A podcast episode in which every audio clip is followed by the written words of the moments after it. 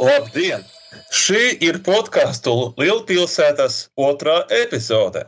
Šodien runāsim par drošību Rīgā un iedzīvotāju uzticēšanos viens otram. Rīdzinieki, salīdzinot ar Tallinas un Viļņas iedzīvotājiem, pilsēta jūtas apdraudētāki un biežāk kļūst par noziedzības upuriem.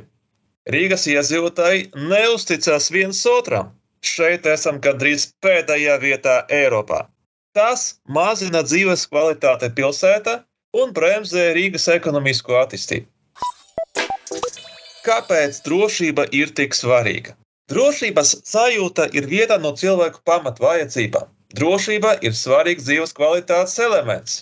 Noziedzībai un bailēm no noziedzības ir postoša ietekme uz individu, sabiedrību un ekonomiku. Individu līmenī tas izraisa trauksmi, stresu, psiholoģiskus traucējumus. Sabiedrībā tas kaitē cilvēku miedarbībai, savstarpējai uzticībai. Savstarpējā neusticēšanās nozīmē irdenu nesaliedēt uz sabiedrību, kas palielina ievainojamību pret iekšējiem un ārējiem draudiem.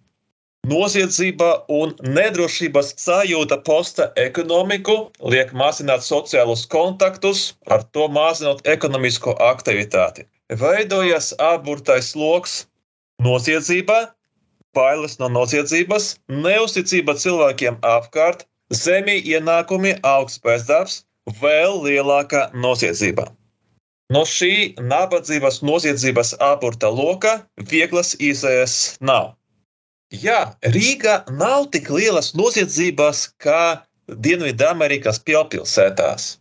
Taču, lai sazeltu bailes un neusticība ar visām tās negatīvajām sekām uz ekonomiku un sabiedrību, pilsētai nav jākļūst par Rio de Janeiro. Jebkurš noziedzības līmenis, kas ir augstāks par nulli, uzliek savu cenu, mazina dzīves kvalitāti, bremzē pilsētas attīstību. Rīznieki, salīdzinot ar Tallinas un Viļņas iedzīvotājiem, biežāk kļūst par noziedzības upuriem, pilsētā jūtas apdraudētāki un mazāk uzticas viens otram. Katrs piektais rīznieks sūdzas par nozagtu naudu vai īpašumu savai ģimenei pēdējā gada laikā. Tas ir pusotras reizes vairāk nekā Viļņa un divas reizes vairāk nekā Tallina. Tikai puse rīznieku uzskata, ka cilvēkiem viņu dzīvesvietas apkaimē var uzticēties. Salīdzinot ar 80% Tallinā un 70% Viļņā. Socioloģiskais aptaujās Rīgā atpaliek no Tallinas un Viļņas pēc visiem rādītājiem, kas saistīti ar noziedzību, fiziskās drošības sajūtu pilsētā, uzticību cilvēkiem apkārt. Jūtos droši naktī staigājot vienatnē savā pilsētā un savā rajonā. Uzticos savas pilsētas policijai, droši jūtos sabiedriskajā transportā, uzticos savas pilsētas un savā rajona iedzīvotājiem, bažas par aplaupīšanu, bažas par uzbrukumu, bažas būt aizvainotam, problēmas ar narkotiku tirgošanu, lietošanu, problēmas ar īpašuma vandalismu un zadzību. Pēc visiem šiem rādītājiem Rīga būtiski atpaliek. Šodien rīznieki jutās daudz drošāk nekā 90. gados. Kopš Latvijas neatkarības atjaunošanas progress drošības jomā ir milzīgs.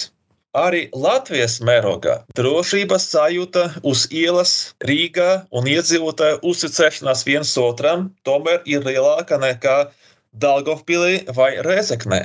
Bet Pēdējo desmit gadu laikā rīznieku drošības sajūta mainījusies pavisam maz. Šodien, 22. gadā, Rīga ir viena no nedrošākajām galvaspilsētām Eiropas Savienībā.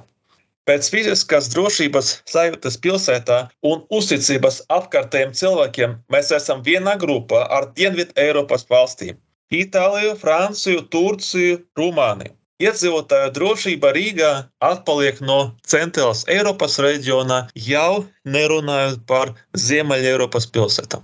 Uzskatu, ka Rīgai ir visas iespējas uzlabot cilvēku drošību vēl vairāk. Tas veicinās iedzīvotāju uzticēšanos viens otram un līdz ar to arī pilsētas ekonomisko attīstību.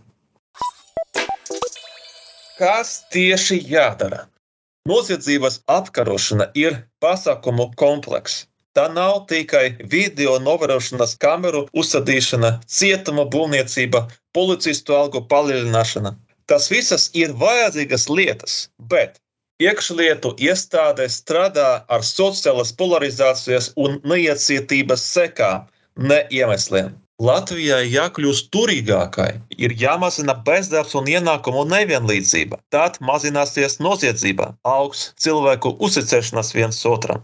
Tāpat drošības sajūta pilsētā nav iedomājama bez bezpajumtnieku, narkomānijas, azartspēļu atkarības problēmu risināšanas. Nepieciešamas lielas, mērķiecīgas investīcijas pilsētas nelabvēlīgu rajonu labiekārtošanai. Liela loma ir sabiedriskajām organizācijām, kas iet ielās un tieši komunicē ar uz sliekšņa starp likumību un pārkāpumu esošiem jauniešiem. Taču noziedzības, nabadzības aburta loka pirmsākumi var būt meklējami ļoti neierastās vietās, kā piemēram skolās. Dažās Latvijas skolās izglītība ir zemes kvalitātes, kas nozīmē, ka to absolventiem liekta iespēja izmantot izglītību kā sociālo liftu. Iespējams, ka vājiem skolotājiem būs krenķis uz dzīvi un rūks nenovīdība pret veiksmīgākiem, un līdz ar to arī augstāku varbūtību konfliktam ar likumu. Turklāt Studiju vide vairākās Latvijas skolās uzkurina neiecietību un neusticību. Latvija ieņem pirmo vietu Eiropas Savienības valstu vidū pēc skolnieku mobbinga, agresīvas, mērķiecīgas un regulāras atsevišķu klases biedru vajāšanas gan labai mācību kvalitātei, gan mobbinga iznīdēšanai. Izšķiroši svarīgs cilvēks ir skolotājs. Iespējams, tieši skolotāju profesijas zemais prestižs un salīdzinoši zemās algas Latvijā ir daļa no skaidrojuma noziedzības, nabadzības abortam lokam, kura sekas valsts pēc tam nerimtīgi dabu apkarot, tā skaitā ar dārgām video kamerām un jaunu cietumu būvniecību. Turpinājums sekos.